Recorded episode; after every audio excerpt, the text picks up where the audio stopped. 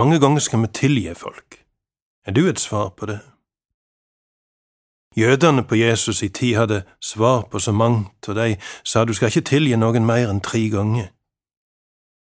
De tenkte vel som så at hvis folk får for mye tilgivelse, så kan de legge seg til uvane. Jeg kan forstå det poenget. Men på den andre sida, hvis Gud hadde begrensa seg til å tilgi meg tre ganger for den samme tingen, da hadde det ikke vært håp for meg.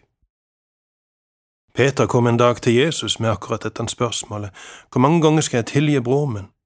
Peter foreslo sju ganger. Han dobla altså det som de jødiske lærde sa, og la til enda en, og kanskje Peter tenkte at han tok godt i.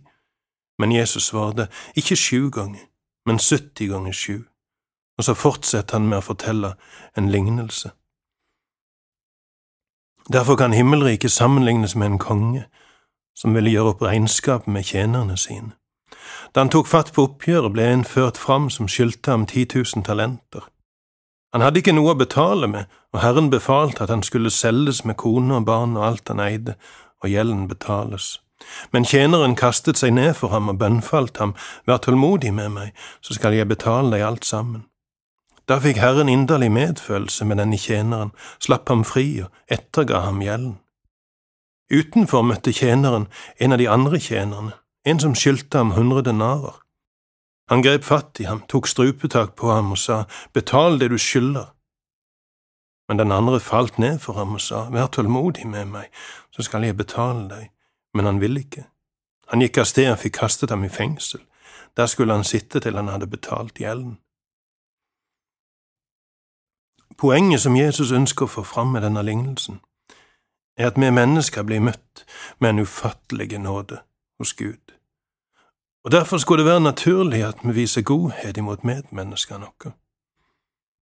Det Jesus skildrer, er virkelig ufattelig. Han forteller om en konge som ikke gir ei gjeld på 10 000 talenter. En talent var en pengeenhet. Det tilsvarer 6000 denarer, har jeg lest, og en denar var ei respektabel dagslønn. Én talent er altså 6000 dagslønn, eller 20 årslønn, og her er det snakk om 10 000 talenter, eller 200 000 årslønn.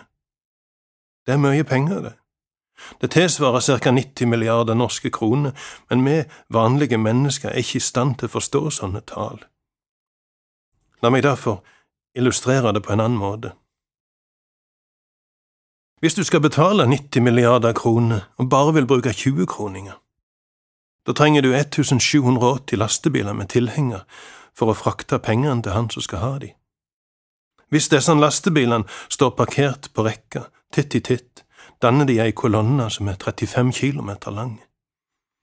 Klarer du å forestille deg ei sånn ei kolonne langs etter veien? Klarer du å forestille deg ei sånn ei kolonne langs etter veien? Klarer du å forestille deg verdien av alle 20-kroningene disse vogntogene er lasta med? Det sprenger fatteevnen min, i alle fall. Men et sånt bilde er det altså Jesus tar i bruk for å skildre Guds nåde imot syndige mennesker. I lignelsen som Jesus forteller, møter vi en tjener som får ettergitt hele denne ufattelige gjelda, fordi at kongen fikk inderlig medynk med han. Men så ser vi at når denne tjeneren går ut ifra slottet, støyter han på en medtjener som skylder han penger. Summen Jesus nevner, er hundre denarer, det vil si hundre dagslønner. Det er aldeles ikke småpenger, selv om det bleikner mot den summen som den første akkurat hadde fått ettergitt. Gjelda til denne medtjeneren er ikke ubetydelig. Og På denne måten ser vi at Jesus ikke bagatelliserer den uretten andre mennesker kan gjøre imot dere. Like fullt virker det hardhjerta når han som akkurat hadde fått ettergitt ei enorme gjeld på 10 000 talenter, tar strupetak på kollegaen sin og får han kasta gjeldsfengsel for å tvinge familien til å gjøre opp for han. Denne hardhjerta oppførselen blir rapportert til kongen, og han kaller til seg igjen tjeneren og annullerer faktisk gjeldssaneringa.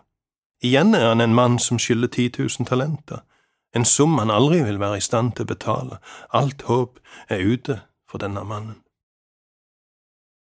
Flere plasser i Bibelen møter vi tanken om at vi er kalt til å elske medmenneskene våre fordi vi sjøl har blitt møtt av Guds kjærlighet. Det mest kjente er ei av bønnene i Fader vår. Forlat oss vår skyld, slik vi òg forlater våre skyldnere. Eller tilgi oss, slik også vi tilgir våre skyldnere. I denne bønnen ber vi faktisk Gud vise oss den samme nåden som vi møter medmenneskene våre med. Er du fortrolig med å be sånn? Jeg for min del synes det er skummelt. Og merk deg, det handler ikke om at vi ber Gud elske oss på samme måte som vi elsker ektefellen eller ungene våre eller vennene våre. Nei, vi ber Gud vise oss nåde på samme måte som vi er godhjerta imot skyldnerne våre, altså de som har gjort oss urett. Boy, oh boy. La meg understreke én ting. Noen få av oss har opplevd uhyrlige svik og kriminelle handlinger som det kan ta mange år å bearbeide. Ikke alt kan glemmes. Tillit kan ikke alltid gjenreises. Ikke alle relasjoner kan bli som før. Men for de fleste av oss er det ikke sånne dype svik og misbruk som er problemet. For de fleste av oss er problemet at vi tar ting i verste mening og kan gå og ruge på nag og vonde minner i årevis og i tiår. Og så stemmer vi i Fader vår og ber Gud møte oss med samme nåde og godhet som vi viser imot de som har gjort oss urett. Det er ei skummel bønn, det. Det å tilgi medmenneskene noe. Det er ikke noe valgfritt tilleggsutstyr for kristne, sånn som sennep på grillpølsa. Det er helt fundamentalt. Det er en essensiell del av det å være kristen. Som Jesus sjøl sier, et nytt bud gir jeg dere, dere skal elske hverandre. Som jeg har elsket dere, skal dere elske hverandre. Kjenner du òg på at dette er for stort for meg? Dette makter jeg ikke sjøl, så dette må du gjøre, Jesus. Gjør mitt liv til en lovsang til deg, Fader. La hver tone lyde ren og klar. Ta mitt liv, gjør det slik som du vil ha det. Jeg vil leve til ære for deg, far. Jeg vil leve til ære for deg, far. Over en åpen bibel var ved Magne Vatland. Serien produseres av Norea, og vi tilbyr forbund hver fredag formiddag.